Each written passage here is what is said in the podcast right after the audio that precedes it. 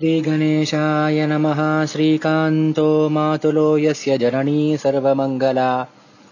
जनकः शङ्करः साक्षात् तं वन्दे कुञ्जराननम्।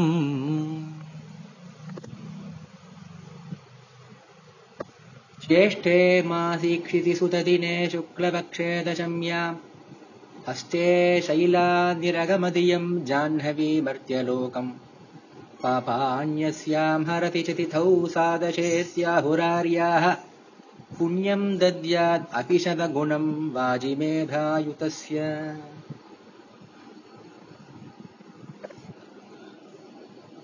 स्थितमकरनिषण्णाम् शुभ्रवर्णाम् त्रिनेत्रा करधृतकलशोद्यत्सोत्पलामत्यभीष्टाम् विभिहरिहररूपाम् सेन्दुकोटीरजुष्टाम् कलितसितदुकूलाम् जाह्नवीम् ताम् नमामि। आदौ आदिपितामहस्य निगमव्यापारपात्रे जलम् पश्चात्पन्नगशायिनो भगवतः पादोदकम् पावनम्। भूयः शम्भुजटा विभूषणमणिः जह्नोः महर्षेयम् देवी कल्मषनाशिनी भगवती भागीरथी दृश्यते गङ्गा गङ्गेति यो ब्रूयात् योजनानाम् शतैरपि मुच्यते सर्वपापेभ्यो விஷ்ணுலோகம் சகச்சதி பரம பவித்திரமான ஜேஷ்ட மாசத்துல ரொம்ப அற்புதமான ஒரு நாள் கங்கா தசஹரா பாபஹர தசமி இப்படியெல்லாம் சொல்லப்படுற ஒரு தினம் இது வந்து கங்க அவதரணம் ஆன நாள் ஏற்கனவே வைசாக மாச மகாத்தியத்துல கங்கா சப்தமி அப்படின்னு ஒரு நாளை பார்த்திருப்போம். வைசாக சுக்ல சப்தமி. அது வந்து ஜன்ம மகர்ஷி ஏற்கனவே அவதாரம் பண்ணி பெருகி வந்துட்டு இருந்த கங்கா தேவிய பருகி திருப்பி தன்னுடைய வலது காது மூலமா வெள்ள விட்ட நாள் அது. ஆனாலும் முதல்ல கங்கா அவதரணம் ஆன நாள் அப்படின்னு பார்க்கும் பொழுது அந்த தினம் ஜேஷ்ட மாசம் சுக்லபக்ஷ தசமி அந்த நாள் பார்த்தேன்னா ஸ்நானத்துக்கும் தானத்துக்கும் ரொம்ப அற்புதமான பலன்களை கொடுக்கக்கூடிய ஒரு தினம்.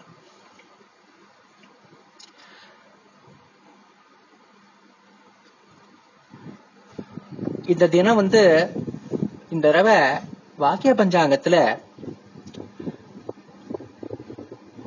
மே மா ஜூன் மாசம் பத்தொன்பதாம் தேதி போட்டிருக்கா. ஆனா அது நமக்கு அவ்வளவு சம்மதம் இல்லை. பொதுவா கங்கா தசஹரா பொறுத்தவரையிலையும் தசஹரானா என்ன அர்த்தம்னா பத்து விதமான பாபங்களை அழிப்பவள். அவள் அவதாரமான நாள் தினம் ஜேஷ்ட மாசம் சுக்லபக்ஷ தசமி அந்த கங்காதேவி அவதாரமாகும் பொழுது பத்து விதமான யோகங்கள் உண்டுன்னு சொல்லப்பட்டிருக்கு ஜேஷ்டே மாசி சிதே பக்ஷே தசம்யாம் புதஹஸ்தயோ व्यतीपाते गरानन्दे कन्याचन्द्रे वृषेरवौ दशयोगेन रस्नात्वा सर्वपापैः प्रमुच्यते ज्येष्ठमास शुक्लपक्ष दशमीतिथि बुधवार हस्तानक्षत्र यतीपातयोग கரகரண ஆனந்தம்ங்கிற இன்னொரு விதமான யோகம் கன்யா ராசியில சந்திரனும் ரிஷப ராசியில சூரியனும் இருக்கும் பொழுது இந்த பத்து யோகங்களும் சேர்ந்து இருக்கிற தசஹரா ரொம்ப கிடைக்கிறது அபூர்வம் அதே போல பூர்ண லட்சணங்களோட பொருந்திய தசஹரா நமக்கு இந்த தடவை வாய்க்கல. பொதுவாவே அஸ்தா நட்சத்திரம் தசமியோடு கூடுறது ரொம்ப விசேஷம்தான் சாதாரணமா இந்த திதியை வச்சு திதிகள் வந்து முன் திதியோடையோ அடுத்த திதியோட சேர்ந்து இருந்தா அதை எடுத்துக்கணும் அப்படிங்கிற கிராகியம் அப்படிங்கிற விதியில தசமிய பொறுத்தவர்களையும் மட்டும் சம்பூர்ணா தசமி காரியா பரையா பூர்வயா யுக்தா ந தூஷிதா யஸ்மாத் திதிசா சர்வதோமுகி அப்படின்னு சொல்லப்பட்டிருக்கு. தசமியை பொறுத்தவரையிலையும் அதுக்கு பூர்வ திதி பின்னாடி வர திதி அதாவது நவமியோடையோ ஏகாதசியோடோ கூடி இருக்கிறத பத்தி தோஷம் கிடையாது. தசமி திதியில பண்ண வேண்டிய காரியங்கள் பொறுத்தவரையிலையும் அந்த காலத்துல தசமி இருந்தா எடுத்துக்கலாம்.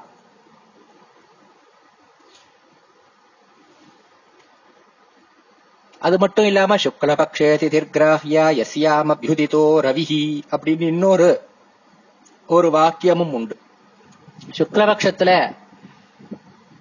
திதி ஒரு காரியம் பண்ணணும்னா அதுல சூரியன் உதிக்கிற அதாவது உதய வியாபினி பூர்வாண்ணத்துல இருக்கணும் அந்த திதி. இது பலவிதமா வித்வான்கள் என்ன சொல்றான்னா பத்து யோகங்கள்ல நிறைய யோகம் இன்னைக்கு கிடைக்கிறதோ அன்னைக்கு எடுத்துக்கலாம். அதனால தான் இந்த வாக்கிய பஞ்சாங்கத்துல பார்த்தேன்னா நாளைக்கு இருபத்தி ரெண்டு நாழிகை நவமி இருக்கு. அதுக்கப்புறம் தான் தசமி இருக்கு. இருபத்தி ரெண்டு நாழிகைன்னா பாத்துக்கோங்க மத்தியானம் உச்சி காலத்துக்கே பதினஞ்சு நாழிகை. அதை தவிர அபராண்ண வியாப்தியில தான் அபராமணம் கொஞ்சம் முடியறதுக்கு கொஞ்சம் முன்னாடி தசமி ஆரம்பிக்கிறது. அஸ்தா நட்சத்திரம் வாக்கிய பஞ்சாங்க பிரகாரம் இருபத்தி நாழிகையுமே இருக்கு. ஆனாலும் தசமியும் ஹஸ்தமும் கலப்பு ஒரு அஞ்சு நாழிகை மா- அபராண்ண வியாப்தியில இருக்கு. அதாவது மூணு மணி வாக்குல இருந்து ஆரம்பிச்சு அஞ்சு மணி வாக்கு வரலையும்.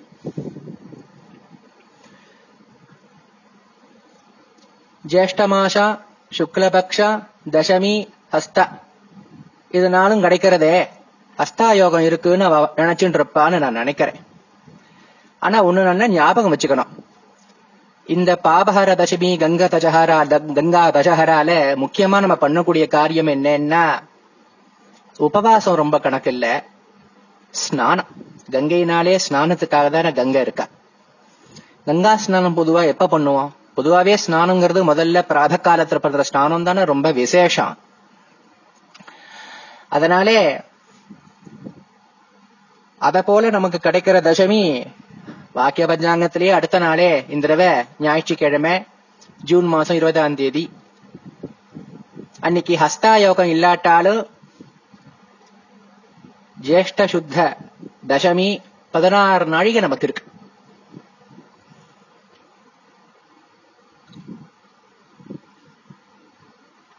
அதனாலே பொதுவா இந்த பாபஹர தசமி அப்படிங்கிறது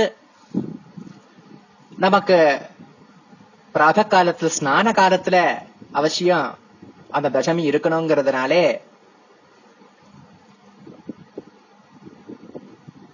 ஹஸ்தா நட்சத்திரம் இருந்தாலும் இல்லாட்டாலும் கூட கேவலம் தசமி லாபம் போரும். அப்படிங்கிற அப்படிலாம் கூட தர்மசாஸ்திரங்கள்ல வாக்கியங்கள்லாம் இருக்கு.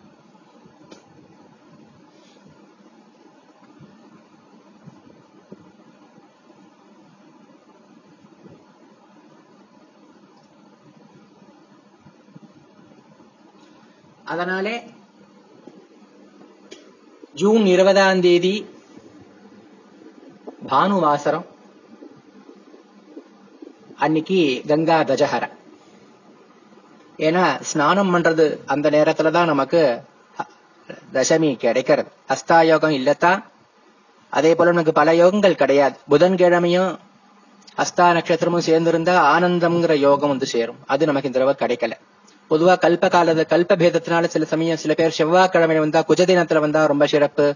இந்த ஜேஷ்ட சுத்த தசமி புதன்கிழமை வந்தா சிறப்பு. ரெண்டு விதமான பட்சமும் இருக்கு.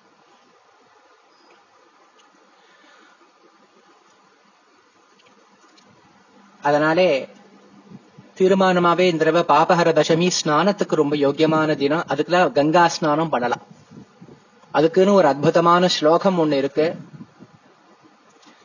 नमः शिवायै गङ्गायै शिवदायै नमो नमः नमस्ते रुद्ररूपिण्यै शाङ्कर्यै ते नमो नमः नमस्ते विश्वरूपिण्यै ब्रह्ममूर्त्यै नमो नमः सर्वदेवस्वरूपिण्यै नमो भेषजमूर्तये सर्वस्य सर्वव्याधीनाम् विषक्श्रेष्ठ्यै नमोऽस्तु ते स्थानुजङ्गमसम्भूतविषहन्त्र्यै नमो नमः भोगोपभोगदायिन्यै भोगवत्यै नमो नमः मन्दाकिन्यै नमस्तेऽस्तु स्वर्गदायै नमः सदा नमस्त्रैलोक्यभूषायै जगद्धात्रे नमो नमः नमस्त्रिशुक्लसंस्थायै तेजोवत्यै नमो नमः नन्दायै लिङ्गधारिण्यै नारायण्यै नमो नमः नमस्ते विश्वमुख्यायै रेवत्यै ते नमो नमः बृहत्यै ते नमस्ते लोकधात्र्यै नमो नमः नमस्ते विश्वमित्रायै नन्दिन्यै ते नमो नमः पृथ्व्यै शिवामृतायै च सुवृषायै नमो नमः शान्तायै च वरिष्ठायै वरदायै नमो नमः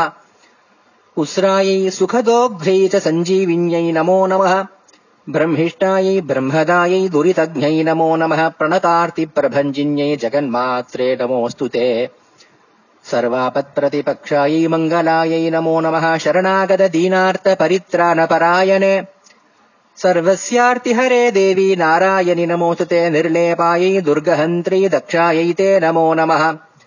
परात्परतरे तुभ्यम् नमस्ते, मोक्षदे सदा, गङ्गे ममाग्रतो, भूया गङ्गे मे देवी पृष्ठतः।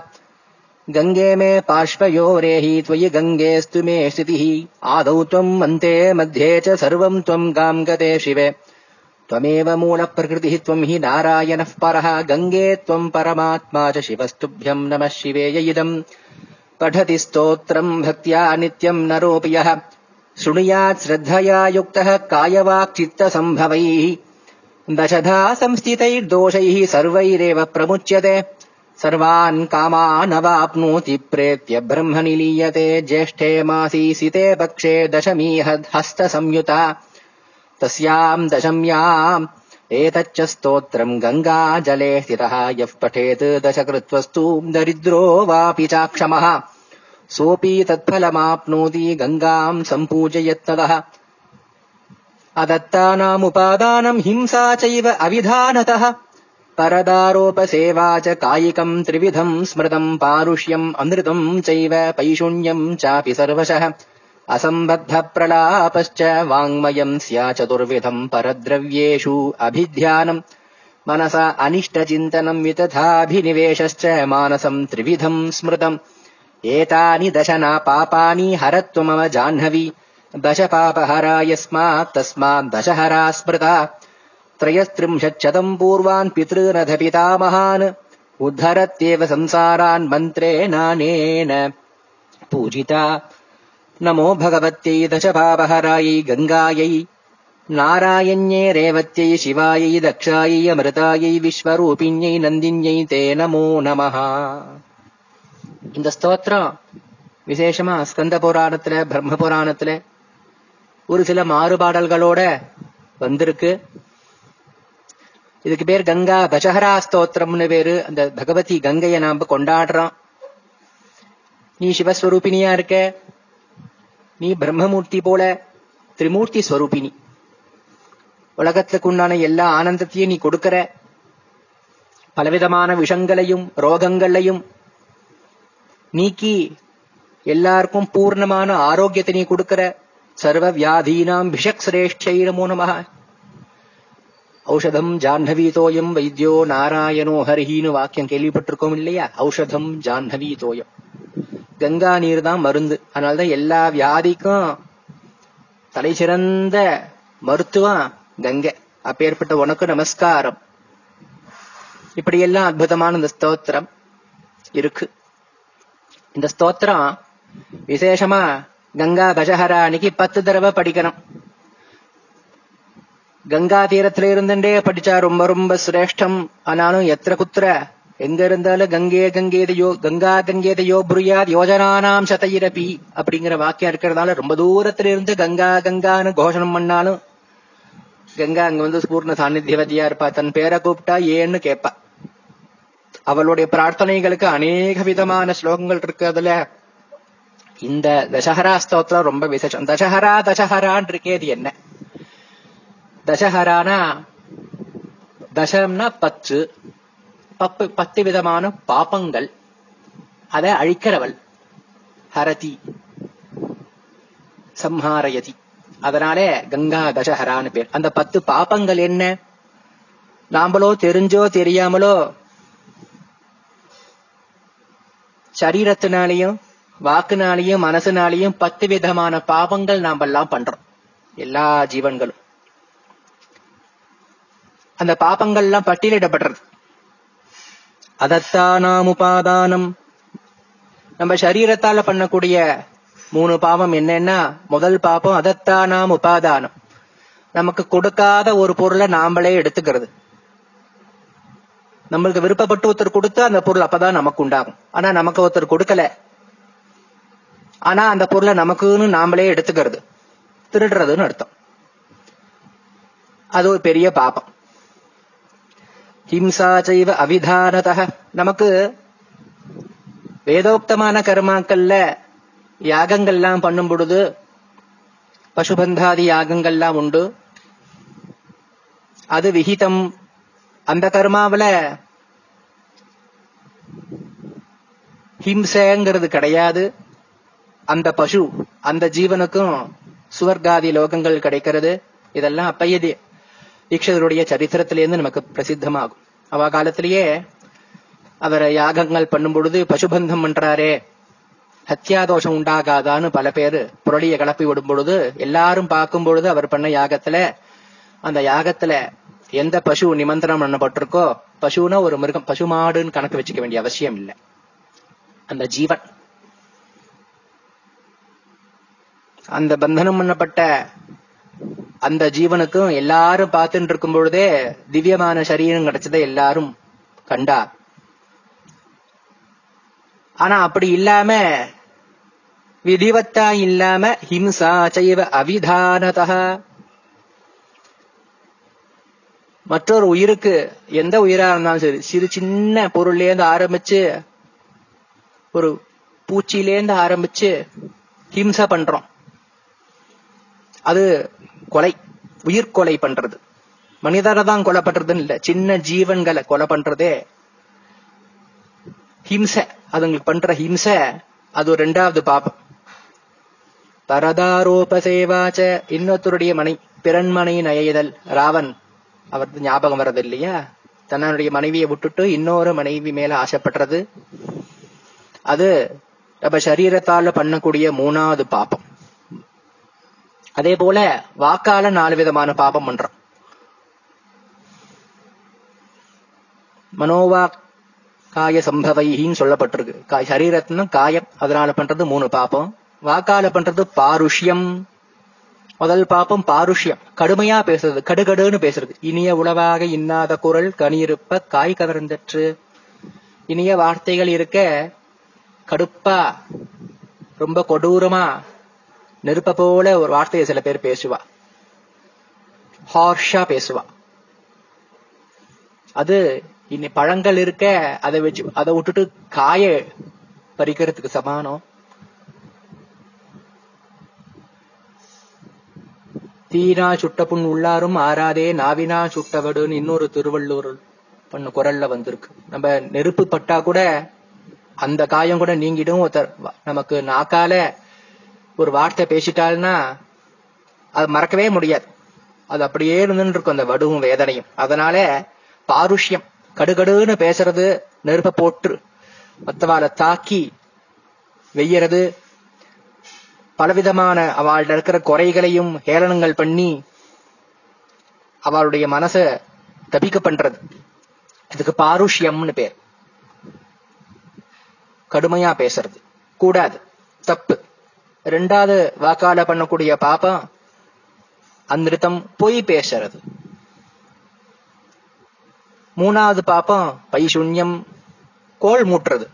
ஒத்தரை பத்தி இல்லதும் இல்லாதையும் சொல்லி அவ பண்ணிருந்தாலும் பண்ணாட்டாலும் அவளை பத்தி பலவிதமா மத்தவாளுக்கு சந்தேகத்தை உண்டு பண்ணி அவளுக்கு ஒரு சீர்கேடு அவ கீழே இறங்கணும் அவளை மத்தவா பரிகாசம் பண்ணணும் இல்லாட்டா மத்தவா ஏளனம் பண்ணணும் மத்தவா பார்வையில அவளை குறைக்கணும் அப்படிங்கறதுனாலயே ஒத்தாளுடைய ஒருத்தர் பண்ண காரியம் இல்லாட்டா ஒருத்தரை பத்தி அபவாதங்கள் எல்லாம் பேசி திரிஞ்சுண்டு பேக் பைட்டிங்னு சொல்லுவா.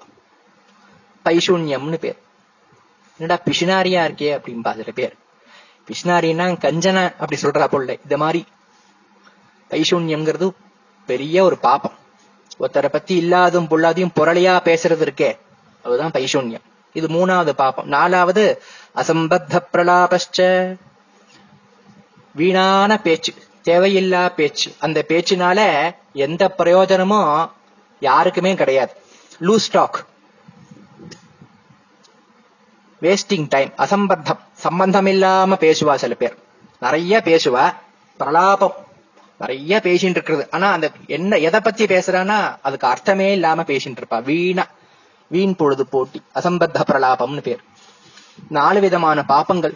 கோபமா பேசுறது பொய் பேசுறது கோல் மூட்டுறது வீணான பேச்சு harsh talk lying backbiting loose talk இது நாலுமே நம்ம வாக்குனால பண்ணக்கூடிய நாலு விதமான பாப்பங்கள்.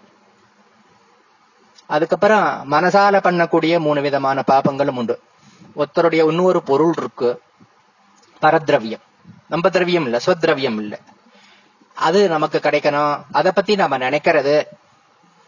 மனசால நினைச்சாலும் இன்னொரு பொருள் நமக்கு இல்லாத பொருளை பத்தி மனசுல நம்ம நினைச்சாலும் பரத்ரவ்யேஷு அபித்தியானம். அது நமக்கு அதை நாமளே எடுத்துக்கணும்னு நினைச்சாலே அது ஒரு பாப்பம் மனசா அனிஷ்ட சிந்தனம். நம்ம மனசுனாலே இன்னொருத்த இஷ்டம்னா நல்லது வேணுங்கிறது. வேண்டாத சிந்தனை. விசேஷமா பலவிதமான தூஷணம் பண்ணிக்கிறது. மத்தவ நன்னா இருக்க கூடாதுன்னு நினைக்கிறது. இதெல்லாம் மனசால நடக்கிற பாபங்கள். ரெண்டாவது பாபம். மூணாவது விததாபினிவேஷ பொய்யா பொய்ய இல்லாத காரியத்துல எது சத்தியமோ அது இல்லாத சத்தியம்னா சத்தியம். விதத அபினிவேஷ பொய்யான விஷயங்கள்ல மிச்சிய எது இல்லையோ அந்த விஷயத்தையே மனசால நினைச்சுட்டே இருக்கிறது. அந்த விஷயமே கிடையாது. அந்த விஷயத்துக்கு எந்த சாரமோ சத்தியமோ இல்லை. ஆனாலும் அதுல மனசை நம்ம விடுறது. இத போல மானச பாபங்கள் மூணு விதமான பாபம். சரீரத்தினால பண்ணக்கூடிய மூணு பாபம் வாக்கால பண்ணக்கூடிய நாலு பாபம் மனசால பண்ணக்கூடிய மூணு பாபம். மூணும் நாளும் மூணும் கூட்டினா ஏதானி தச பாபாணி இந்த பத்து பாபங்களையும் ஹரத்வம் மம ஜாஹ்னவி அதையெல்லாம் ஹே ஜாஹ்னவி என்னட்டேந்து நீ நீக்கினியும். தசபாபஹரா யஸ்மா தஸ்மா தசஹரா ஸ்மிருதா இந்த இந்த தினத்துக்கே கங்கா பஜஹரா பாபஹர தசமிங்கிறது ஸ்பஷ்டீகரணம் கங்கா தசஹரான பத்து விதமான பாபங்களை அழிக்கிறதுனால அவளுக்கு தசஹரா அப்படின்னு பேரு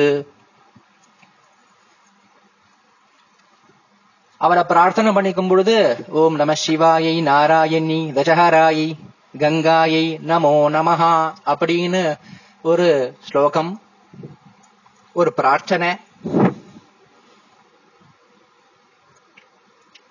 நமோ பகவத்தை தசபாபஹராயை கங்காயை நாராயண்யை ரேவத்தை சிவாயை தக்ஷாயை அமிர்தாயை விஸ்வரூபிஞை நந்திஞை தே நமோ நமஹா இப்படிங்கிற பிரார்த்தனை. கேவலம் கங்காயை நமஹா கங்காய் மகா கங்கே கங்கேன்னு சொன்னாலே போர். கங்கா நாம கீர்த்தனம் சர்வ பாப பிரணாசன். இப்படி பத்து விதமான பாபங்களையும் பத்து ஜென்மங்களை சேர்த்து வச்சிருந்தாலும் அது எல்லாத்தையும் இந்த கங்கா கஜஹரா தினத்துல நாம தொடச்சுன்றலாம் கழுவின்றலாம் தூய்மைப்படுத்திக்கலாம். அப்பேற்பட்ட தினம் இது. ஹஸ்தா யோகம் இருக்கிறதுனால அஞ்சு நாழிகை இருந்தாலும் இருக்கே அப்படிங்கறதுனால வர சனிக்கிழமை நாளைக்கு போட்டிருந்தாலும் வாக்கிய பஞ்சாங்க பிரகாரம் காஷியாதி ஸ்தலங்கள்ல இருக்கிற பஞ்சாங்கம் சுப்பிரசித்தமா எல்லா பஞ்சாங்கங்களையும் பிராகக்காரத்துல கங்கா ஸ்நானம் பண்ணணும்.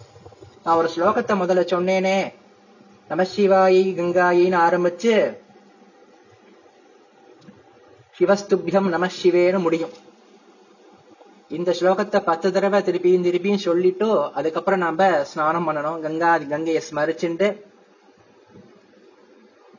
तस्याम् दशम्याम् एतच्च स्तोत्रम् गङ्गाजले स्थितः यः पठेत् दशकृत्वस्तु दरिद्रो वापि चाक्षमः सोऽपि तत्फलमाप्नोति கங்காம் சம்பூஜை தத கங்கைய நியமமா பூஜை பண்ணி சாட்சா நிஜ கங்கையில ஸ்நானம் பண்ணா என்ன புண்ணியம் கிடைக்குமோ ஏழ்மையா இருக்கிறவனா இருந்தாலும் சரி பணக்காரனா இருந்தாலும் சரி யாரா இருந்தாலும் சரி புண்ணியவனோ பாபியோ யாரா இருந்தாலும் பத்து தடவை தசகிருத்து பத்து தடவை இந்த கங்கா தஜஹரா ஸ்தோத்திரத்தை படிச்சுட்டு கங்கையில ஸ்நானம் பண்றதா நினைச்சுட்டு நாம ஸ்நானம் பண்ணணும். எந்த ஜலாசயத்திலயும் ஸ்நானம் பண்ணலாம். கங்கையா எங்கேயும் எதுலயும் ஸ்மரிச்சுக்கலாம்.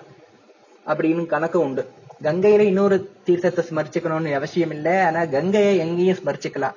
எந்த தீர்த்தத்திலையும் ஸ்மரிச்சுக்கலாம். ஒரு சம்பிரதாயம் என்னன்னா பிரதமையில ஆரம்பிச்சு தசமி பர்யந்தம் இந்த கங்கா தசகத்தை ஒரு நா ஒரு ஒரு தடவை ரெண்டு தடவை மூணு தடவைன்னு ஜபம் பண்ணிட்டு வருவா. தசமி அன்னைக்கு பத்து தடவை ஜபம். நமக்கு பத்து நாளும் நமக்கு பண்ணக்கூடிய பாக்கியம் எல்லாருக்கும் இருக்காது. ஆனாலும் தசமி அன்னைக்கு இது ரொம்ப லலிதமான ஸ்லோகம். படிச்சா ஒரு மூணு நாலு நிமிஷத்துல படிச்சு முடிச்சிட முடியும். சீக்கிரமா எழுந்தே இந்த ஸ்தோத்திரத்தை படிச்சுட்டே அதுக்கப்புறம் கங்கை அந்த ஸ்தோத்திரத்தை படன் பட ப- படனம் பண்ண மாத்திரத்துல கங்கை அங்க பூர்ண சாநித்தியவதியா இருப்பா. எந்த தீர்த்தத்தையும் ஸ்நானம் பண்ணலாம் கங்கையே கங்கைன்னு சொல்லிட்டு அவசியம் நாம எல்லாம் ஸ்நானம் பண்ணணும். அது மட்டும் இல்லாம இந்த பாபஹர தசமி கங்கா ஸ்நானத்துக்கு மட்டும் விசேஷம் இல்லை. சாக்ஷாத் சேது ராமேஸ்வரத்துல அந்த ராமநாத சுவாமி ராமலிங்க சுவாமி பிரதிஷ்ட நடந்த தினமும் இன்னைக்குதான். அதாவது ஜேஷ்ட மாச சுக்லபக்ஷ தசமி. சேது மகாத்தியத்துல சொல்லப்பட்டிருக்கு ஜேஷ்டே மாசே சிதே பக்ஷே தசம்யாம் புதஹஸ்தயோ கராரந்தே வியதீபாதே கன்யா சந்திரே மிருஷேரவ் दशयोगे सेतु मध्ये लिङ्गरूपधरम् हरम् रामो वै स्थापयामास சிவலிங்கமனுத்தமம்னு ஸ்பஷ்டீகரணமாறுது ஸ்கந்த புராணத்துல சேது மகாத்தியத்துல ராமநாத சுவாமி ஒரு ஜேஷ்ட மாசம் சுக்லபக்ஷ தசமி புதன்கிழமை ஹஸ்தா நட்சத்திரம் கர யோகம் ஆனந்தா யோகத்துல ஆனந்தம்ங்கிற யோகம் அது புதம்னும் ஹஸ்தா நட்சத்திரமும் சேர்ந்து இருக்கிற தினத்துக்கு ஆனந்த யோகமும் அன்னைக்கு இயற்கையாவே வந்துரும் வியதீபாதம் பஞ்சாங்க வியதிபாதம் கன்யா ராசியில சந்திரன் என ஹஸ்தா நட்சத்திரமா இருக்கு ரிஷப ராசியில சூரியன். பொதுவா ஜேஷ்ட மாசம் இந்த தடவை நமக்கு மிதுன மாசம் வந்துடுறது ஆனாலும் போன தடவை அதிக மாசம் வந்ததுனால புருஷோத்த மாசம் வந்ததுனால இதே போல அமைஞ்சிருக்கு. வைஷா வைகாசியிலேயே வைசாக மாசம் சைத்திரத்திலேயே சித்திர மாசத்து சித்திரை மேஷத்திலேயே சைத்திர மாசம் இப்படி ஒரு கணக்கு வருது. அடுத்த வருஷத்துல பார்த்தேன்னா ஜேஷ்ட மாசம் வைகா ரிஷபமா நம்ம நம்ம வைகாசியில வந்துரும். சேது பந்தம் அப்படின்னு சொல்லப்படுற அந்த ராமேஸ்வரம்னு சொல்லப்படுற இந்த கந்தமாதன பர்வதத்துல பத்து யோகம் கூடியிருக்கிற அந்த சேதுல மத்தியில லிங்கரூபதரம் ஹரம் அந்த ராமநாத சுவாமி ராமலிங்கம் அப்படின்னு சொல்லப்படுற ராமேஸ்வரம் அப்படின்னு சொல்லப்படுற அந்த சுவாமிய ராமோவை ஸ்தாபயா மாச சிவலிங்கம் அனுத்தமம் அப்படின்னு வாக்கியா இருக்கு. அதனால ராமலிங்க பிரதிஷ்டா தினம் அதனால அவசியம் இன்னைக்கு ராமநாத சுவாமியை நம்ம மனசுக்குள்ள ஸ்மரிச்சுக்கணும். ராமேஸ்வரத்தை ஸ்மரிச்சுக்கணும். ராமையும் ராமரையும் ஸ்மரிச்சுண்டவளாவோ ஈஸ்வரனையும் ஸ்மரிச்சுண்டவளோ இல்லையா? ரெண்டு பேரையும் ஹரிஹரால் ரெண்டு பேரையும் ஸ்மரிச்சுக்கிற பாக்கியம் காசியில எல்லாருக்கும் ராமராமா அப்படிங்கிற அந்த நாமத்தை சொல்லிண்டு எல்லாருக்கும் முக்தியை கொடுக்கிறார் விஸ்வநாதார் அப்படின்னு பத்ம புராணங்கள் எல்லாம் சொல்றது. ராமேஸ்வரத்திலேயோ ராமஸ்வா ராமநாத சுவாமிய ராமன் பிரதிஷ்ட பண்றார் ஒத்தருக்கு ஒத்தர் ரொம்ப இஷ்டம். சிவசிய ஹிருதயம் விஷ்ணு விஷ்ணு ஹிருதயம் சிவஹ. தஸ்மாத் சர்வ பிரயத்தேன தயோர்பேதம் ந கல்பயேது. சிவனுடைய ஹிருதயத்துக்குள்ள விஷ்ணு இருக்கார். விஷ்ணுடைய ஹிருதயத்துக்குள்ள சிவன் இருக்கார். அதனாலே தீர்மானமா அவளுக்குள்ள பேதத்தை பார்க்கறத தவிர்க்கணும் அப்படின்னு தர்மசாஸ்திர வச்சனம். அதனால கங்கை அவதாரம் பண்ண தினமான பாபஹர தசமி கங்கா தசஹரா ஸ்தோத்திரத்தை பத்து தடவை சொல்லி கேட்டுண்டு கங்கையிலேயே ஸ்நானம் பண்றாரு கங்கையை ஸ்மரிச்சுண்டு கங்கா நாமத்தை சொல்லிண்டு நம்ம உள்ளங்குளிர ஸ்நானம் பண்ணணும். அதனால பத்து விதமான பாப்பங்கள் பத்து ஜென்மத்துல பண்ண பாபமும் போகும். காசியிலேயே பார்த்தேன்னா தசாஸ்வமேதம்னு ஒரு கட்டம் இருக்கு. அங்கே பிரம்மதேவர் பத்து அஸ்வமேதங்கள் பண்ணா அப்படின்னு சொல்றது.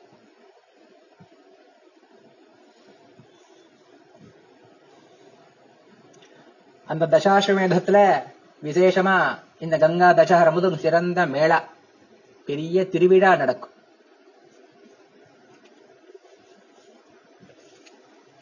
அந்த தசாஸ்வமேதேஸ்வரம் அப்படின்னு சொல்லப்படுற அங்க ஒரு ஈஸ்வரன் இருக்கார். கங்கால ஸ்நானம் பண்ணி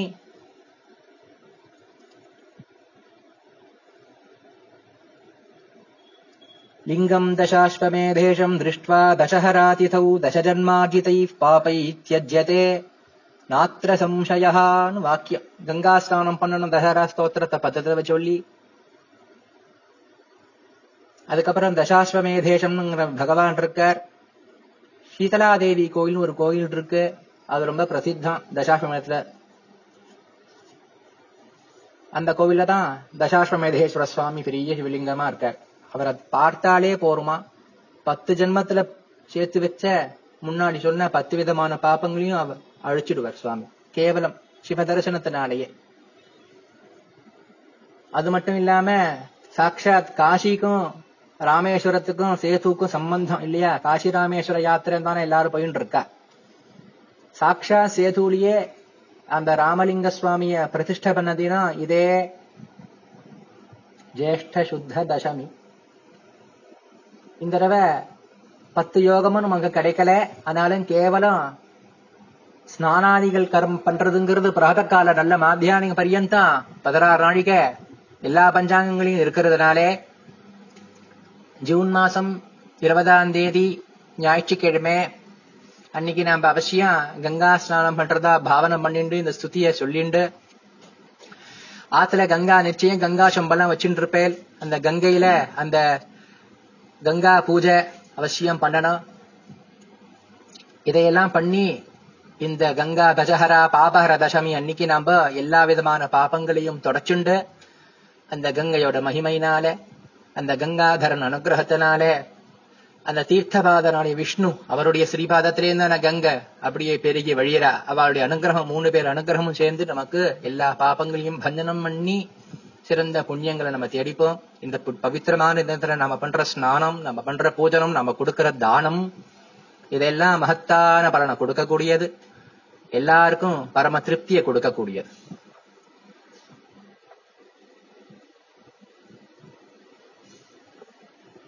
கங்கா கங்கேதியோ ப்ரூயாத் யோஜனானாம் சதைரபி உச்சதே சர்வ பாபேபியா शिवलोकम् स गच्छति विष्णुलोकम् स गच्छति इष्टलोकम् स गच्छति। शिवचिदम्बरम् इद् वैशम्पायर